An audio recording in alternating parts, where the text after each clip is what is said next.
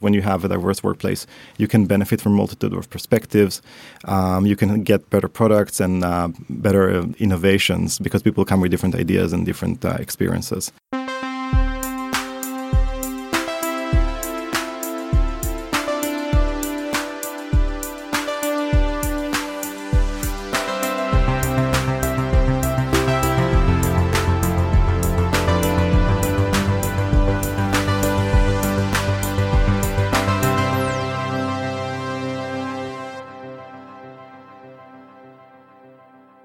Welcome to Heja Framtiden. This uh, is um, an episode in English, and I'm here at uh, Helio GT30 with uh, Ran Levy.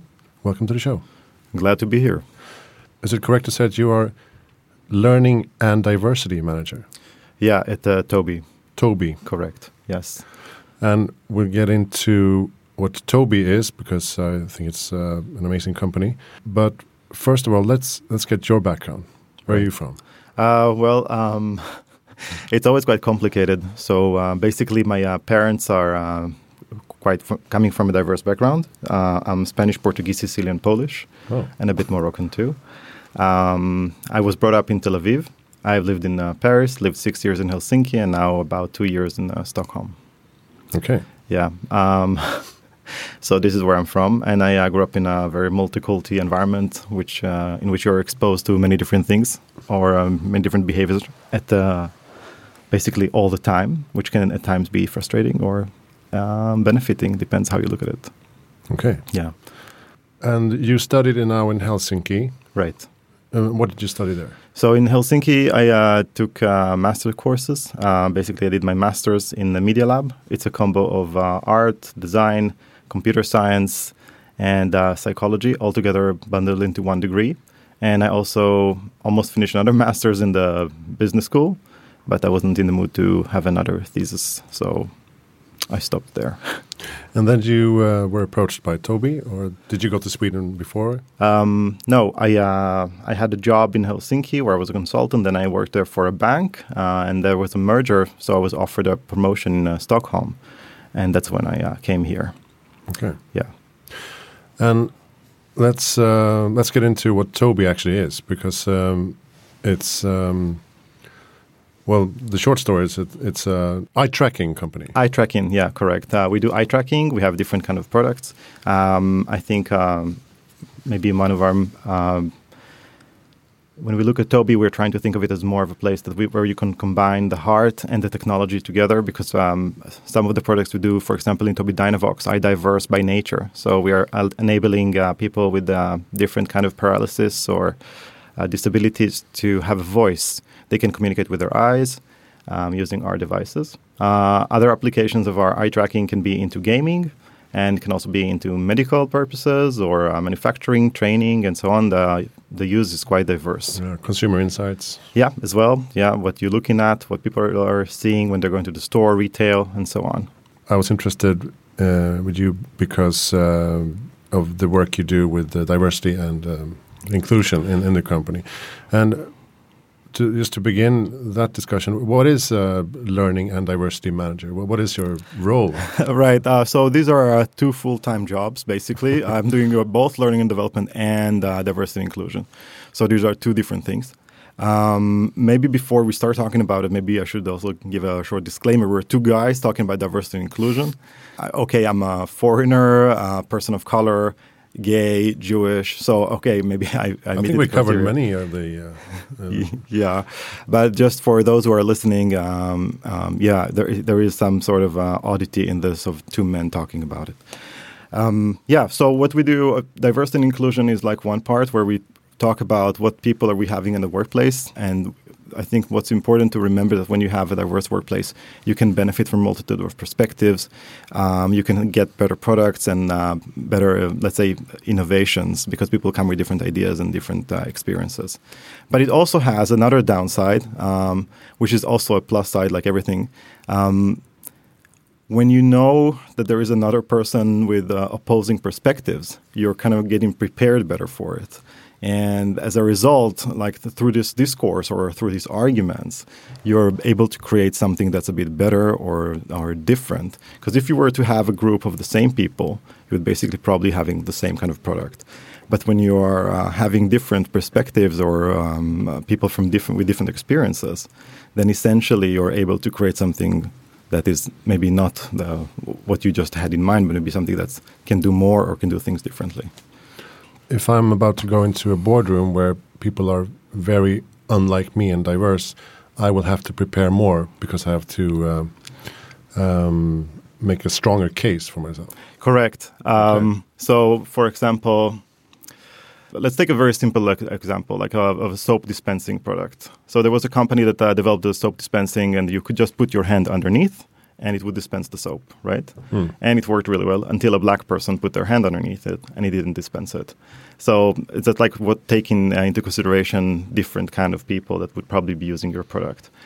But also, if you think about it, when you're developing a computer game, for example, would you be able to represent uh, different people, or would you be sticking to cliches?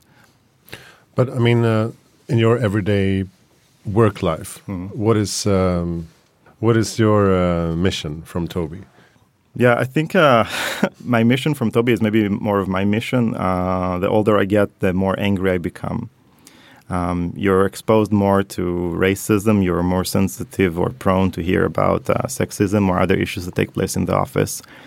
Uh, it doesn't have to be Tobii, it can be any place you were in. I think in Helsinki it was much more prevalent than in Stockholm. Mm. Uh, it was much more narrow-minded or xenophobic, so to speak. You just got everything to your face. Um, and at first, when I came to Sweden, I thought, yeah, I probably wouldn't need to work on uh, people's behavior and change it so much. Maybe people already have the values in the right place. But unfortunately, uh, men are men, and uh, misogyny takes place everywhere. Um, and it's something that, or, or other issues such as um, immigration or ethnicity, these are burning matters. And to my surprise, I also need to work on those in changing behavior. So if you ask what's my mission, I would say finding the the, the hotspots, basically, or the burning issues in our company or in society, and address them. Um, so we are allowing people to go through um, intervention programs, and uh, we, it's more like planting seed. But in order for this to really be successful, we're not just uh, planting seed in like you know just with a workshop that people go through sessions with psychologists and coaching, but we also work with the society with the society outside Tobii. So we work with lesbians who tech, or we work with um, women of color in tech.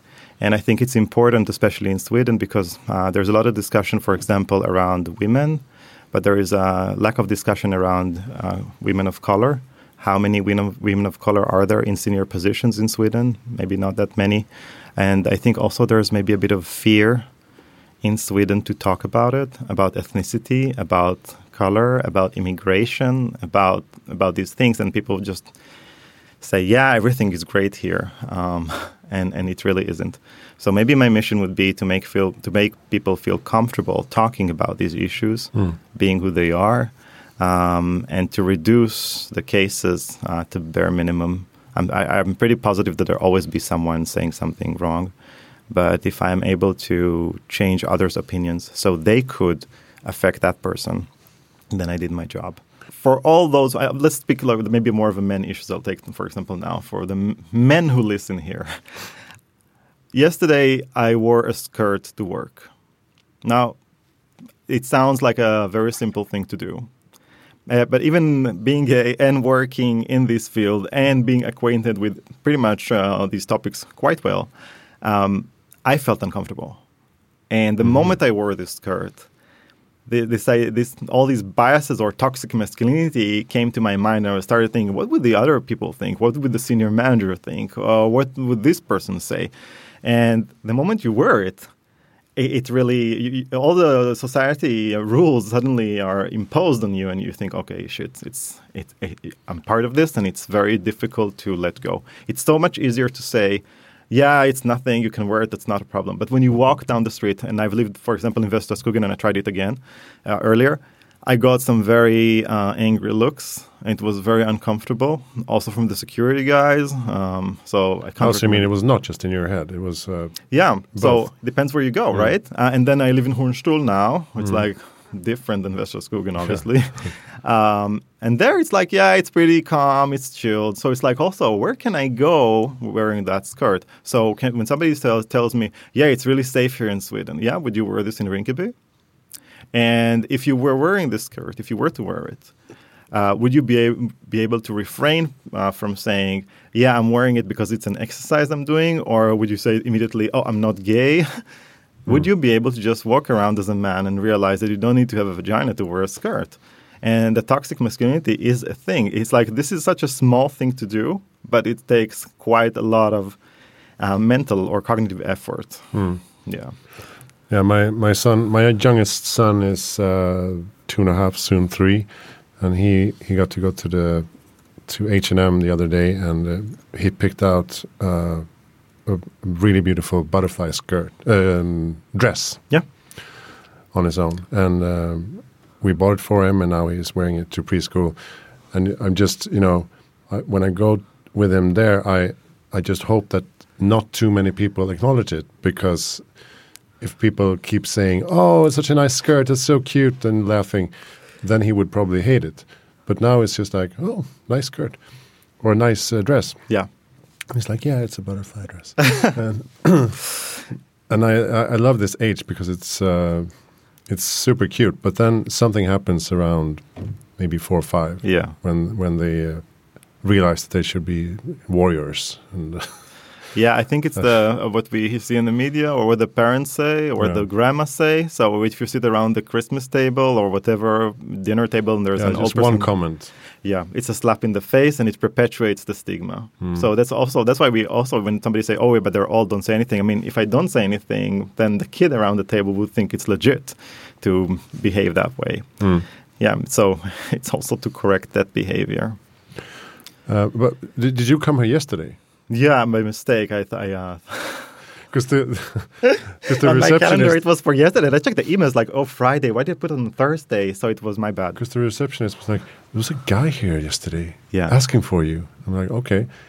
There was a guy in a skirt. I'm like, wow, who's yeah. that? It sounds really interesting. Must be a listener wanting to track me down. A fan. Yeah, a fan, Yeah. No, I. Uh, stalker. Yeah, so yesterday I tried the, the skirt exercise to Okay. see. And funny enough, there was. Um, but you still call it an exercise. Don't yeah. you just want to wear it? Uh, that's a good question. I actually there are some dresses in Monki that I really like. Hmm. Uh, I did wear the skirt sometimes, but la- wearing to work is an exercise for me. Yes, Yeah, okay. because it's different. In the corporate uh, Yeah. um, context. I'll give an example. So when you're gay, uh, people say, "Oh, yeah, but what's the issue? It's uh, it's not a problem." But I worked. Uh, my previous manager in another company uh, uh, told me uh, when I was a consultant. He whispered in my ear and, and said, "Hey, come look at this on uh, Facebook. I, I found our client." I was like, "Yeah, okay." And he said, "I think he's gay."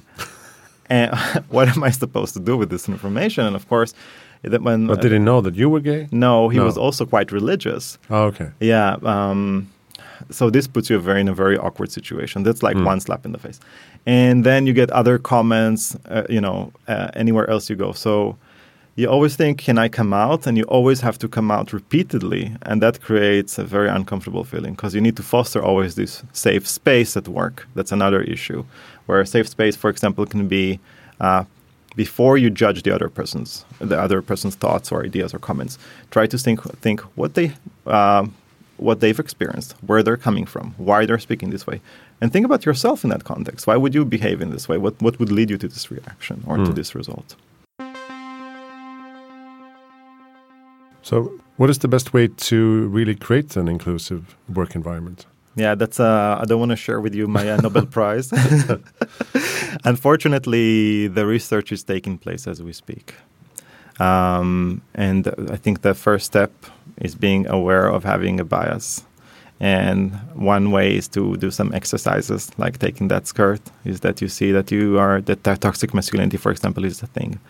Uh, but bias takes place in another way. Like if I were to say, close your eyes and imagine that you're rushing to an airplane and the pilot says, um, "Hi, welcome. Please have a seat." And they go they go back to their cockpit, and you take the flight. You land somewhere in a restaurant. There's a couple kissing or hugging. And I say, "Open your eyes." And then, how many of you thought that the pilot is a black woman? How many Hmm. you imagine you imagine the same-sex couple in the restaurant kissing and hugging? Hmm. Um, so for this is already a way to, to spot it. Like we, we don't think about it. And I think if we were brought up in Sweden maybe 20 years ago, maybe probably there weren't that many people of color or black people around you. So everything that you learned about it was from media or from computer games, which is another, by the way, another issue. Um, so this is a way to to understand that okay, even in my workplace and er- everything I do or read, there is a bias taking place. So when you when you go to work, think how you can benefit from another perspective. Maybe with a person that you disagree with, maybe with a person that is not like you. Um, for example, a woman could be a good start. Uh, they're a team of gamers. Usually, they're only men. So that's Mm. another thing. Yeah, and, and it's especially um, evident when you uh, raise children. Try to find books that are different. It's very difficult, and movies and games. It's uh, very tiresome. Yeah. Like why? Why are all the characters, lead characters, male? Men. Yeah. Why do they all need to have a penis or vagina? Also, that's another thing. Like, why do we need to know the sex? Hmm. It's more like to identify, I assume, with a Well, well the, the cartoon animals they don't have penis or vagina. Actually. right. but when you look at the visibly. at the heroes out there, Yeah.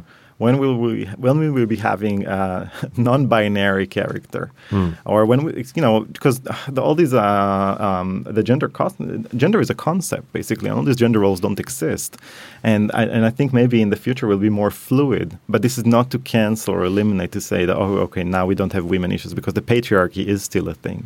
So this is something we still probably would need to address, and, and I, I hope that uh, if you ask what is my future future goal in like 20 years, that my role will become irrelevant. Hmm. But I, I don't see this happening in a generation's time. But why do you think uh, a company like Tobii is uh, so uh, into this uh, this matter? Because I mean, uh, the CEO and founder, he's a he's White a man. white engineer man, uh, Yeah. just uh, starting a company uh, 18 years ago. Uh, why has this become important for them? We hire quite many foreigners, people from different nationalities. And uh, at Tobii, we've internalized the fact that uh, having a diverse workforce can be a strong force to deliver innovation. Um, and to make this work, it's not just about hiring people from different places. It's also about making them feel at home and that they are welcome to be who they are. Basically, come as you are to work and be who you ever you want to be. Um, but it, it's not it's not something that happens just by telling it or by writing a policy or by hiring foreigners. It's something that requires maintenance and work around it. Um, this is why we do it. Well, it's about uh, the culture. Yeah, it's about the culture that you have in place. How can you build a culture like that? It takes time. It takes time. Uh, yeah. So people also that's a very common question. So what do you do? yeah. Uh, I've built a maturity model, and it's uh, other consultancy companies do that too, like BCG, PwC. Uh, I built our own, and it's phased. So phase one, for example, would be: Do we have all the policies and regulations in place? That's so easy to make. Then you start thinking, okay, do we have some awareness around it? Do we have grassroots initiatives that are in place? Do we have an intervention program? Is there a voice for employees to tell how they feel? So more like a broader survey measurement and so on. And are there um, is there a diversity group in place when you talk about grassroots initiatives? Can employees create their own initiatives? Yes. So we have like People Day, um, and then we are expanding this, so advancing. So phase three, we would be looking at having a, a strong intervention program, changing behavior. Uh, we would be looking at uh, complex pay gaps. Uh, we measure ethnicity and, of course, gender, not just man and woman. Um, we're going to have a mutual mentorship program where basically senior leaders meet people from different backgrounds and kind of learn what it takes to advance in Sweden or in the workplace and maybe be more aware towards what, uh, what are the issues, what are the obstacles firsthand, rather than reading about it in a book or knowing that it's an issue somewhere in the world. Then I think maybe the ultimate goal would be to get value out of it.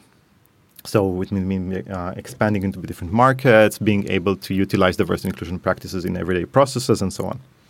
I think the best example is maybe Netflix, where they are now creating okay a lot of trash, but also many uh, um, series that where the protagonist is a woman of color, where they talk about very uh, about things that were not discussed previously. Like there's a, a series called uh, Typical. Um, mm. It's about a gay guy with a CP. Yeah, so a typical. A yeah. yeah. that's so. There's already things ch- changing, and I think they're taking a big role in changing the the film industry, and that's a blessing. Mm. You mentioned intervention. Uh, is that if you if you uh, realize that one employee has a sexist or racist behavior and that needs to change? Yeah, that could be for one example, but that would maybe be more like a case by case basis. But mm. when we do measurements for, let's take the most basic measurement. When you look at the uh, gender in the workplace in teams, and that you see that you have many teams where there are no men almost, then you think, okay, there is an issue there. we can do the we do um, something that's called bias-free recruitment, where managers are aware or learning how the bias works, sort of, and so that it would be more uh, or less prone to make biased decision when recruiting people. Um, but if it's if it's something that's like there for a long time, then we need to say, okay, enough. Like there isn't a greater issue. Um, and we need to maybe work on one's behavior because they could be aware of the fact that they maybe have a bias or, or not or know how it works. But when you really need to conduct a change and making them believe that this is different. Mm. Um, so, the, for example, the, the intervention program is quite extensive. It's like a social norms workshop and fast and slow, where we utilize uh, the two systems, which I'm sure you're familiar with. And so people wouldn't be making those quick crash decisions, rather think about more data driven and communicate their decision, make it a bit more slow and thorough, meticulous, um, maybe less creative, but could maybe be a better decision. Um, and then we do some uh, group coaching and so on. Um, so that's that's one intervention program that's in hmm. place. Well, I mean, many of these issues must land on the uh, HR and recruitment table. Do they work with like anonymous uh, uh applications, stuff like that, or, or, uh, is it important to actually see that okay, these are the applicants, and we we want more uh, diversity in different ways? Right. Um, just so I recap your question. Um, so you mean that uh, would do we communicate that you have fewer men and you need to have women, or they, they can see the applicant's uh, gender and name, so on? Name, picture. Right. So race. we really discourage applicants from sending pictures.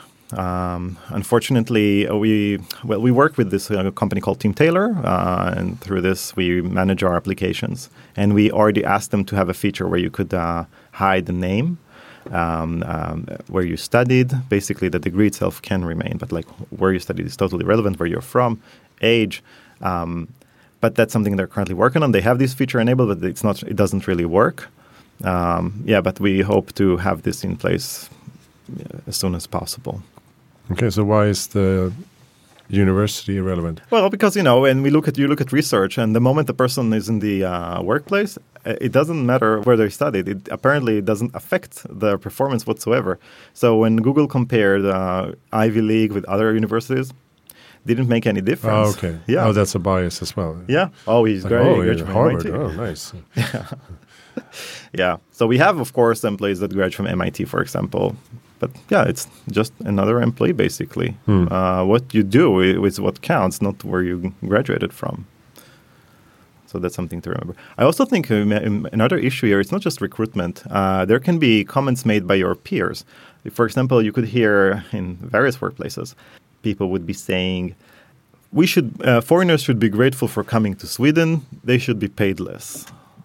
Hmm. Yeah. So the moment you're a foreigner and hearing that, you think, um, okay, well, this is one issue, right? so th- these are things that we also probably need to address. It's not just about the recruitment. It's, that's again going back to the culture. How do we make sure people are not behaving this way?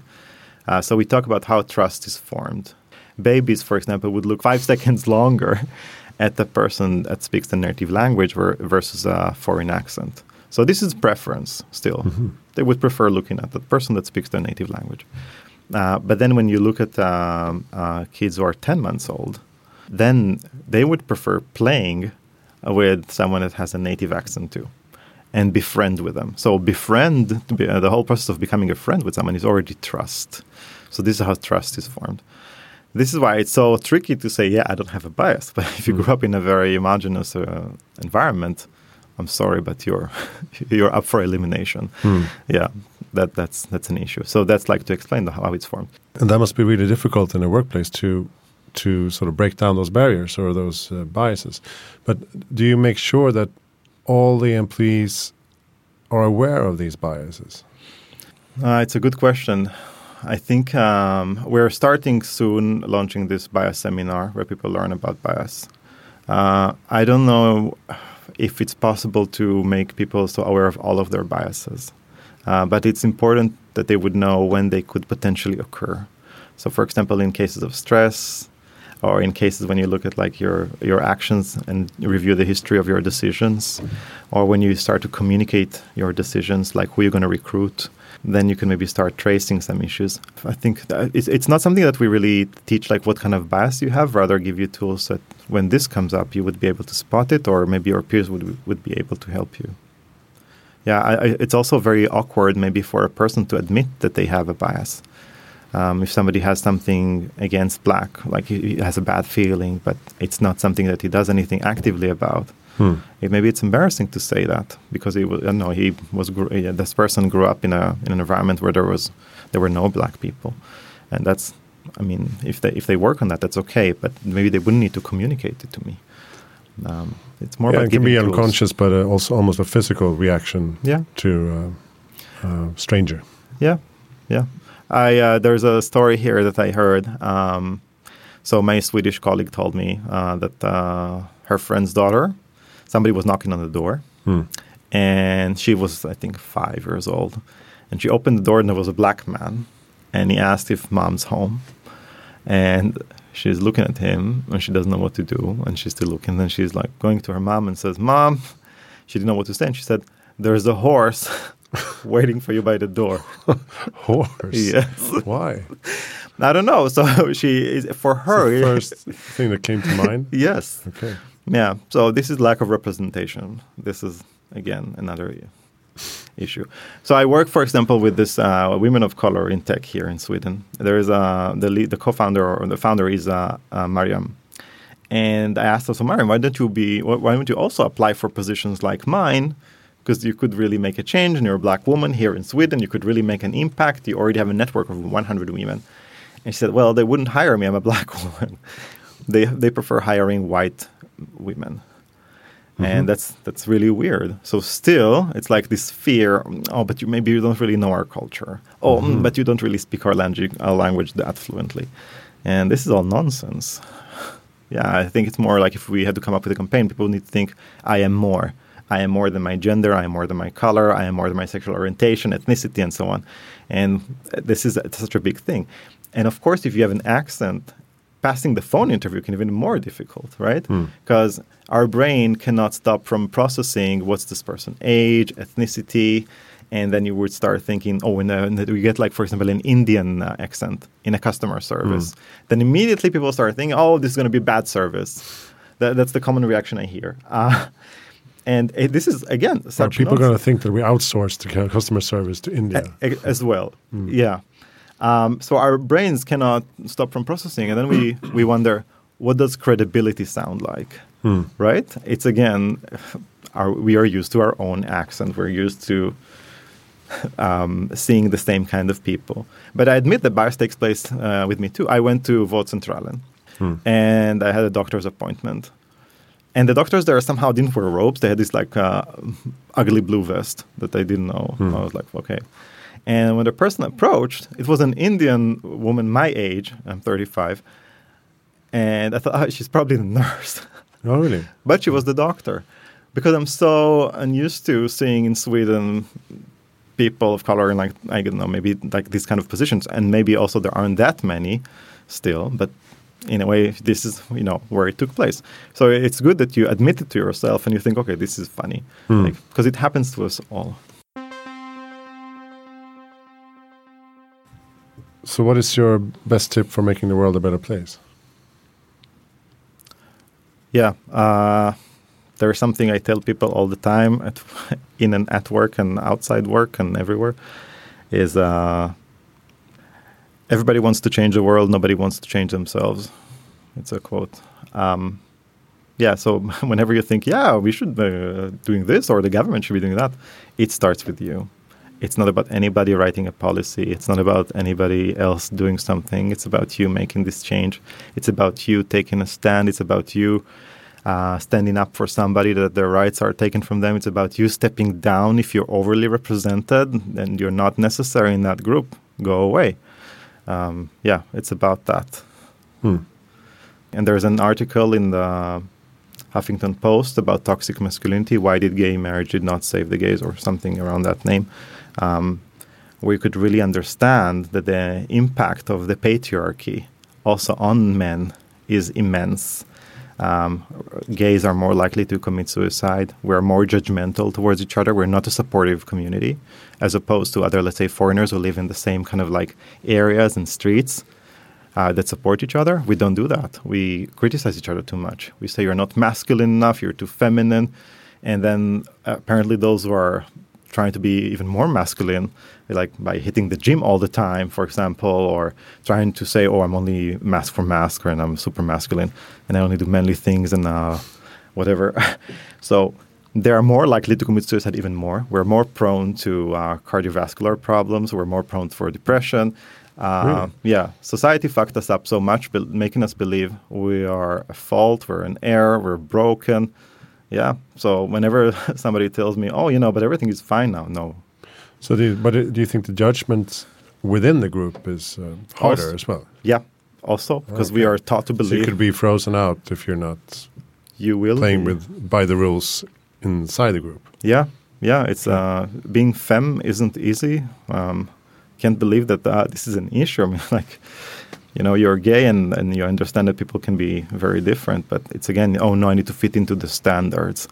Hmm. Um, I, I'll, I'll give another example very close to mine. So, uh, one of the guys I dated, is um, when he told his parents um, that they're that he's gay, his mom uh, fainted, and then she said she wanted to commit suicide. Wow, Yeah. dramatic. Yeah, that- that's very dramatic. And here in Sweden, there was a guy that his dad took a rifle and wanted to shoot the entire family. Eventually, things got sorted, and they. Uh, funny enough, just to make it a bit more maybe light, the story, they went to the therapist, and uh, my friend told the therapist, "I don't think it's a good idea that my dad will come here.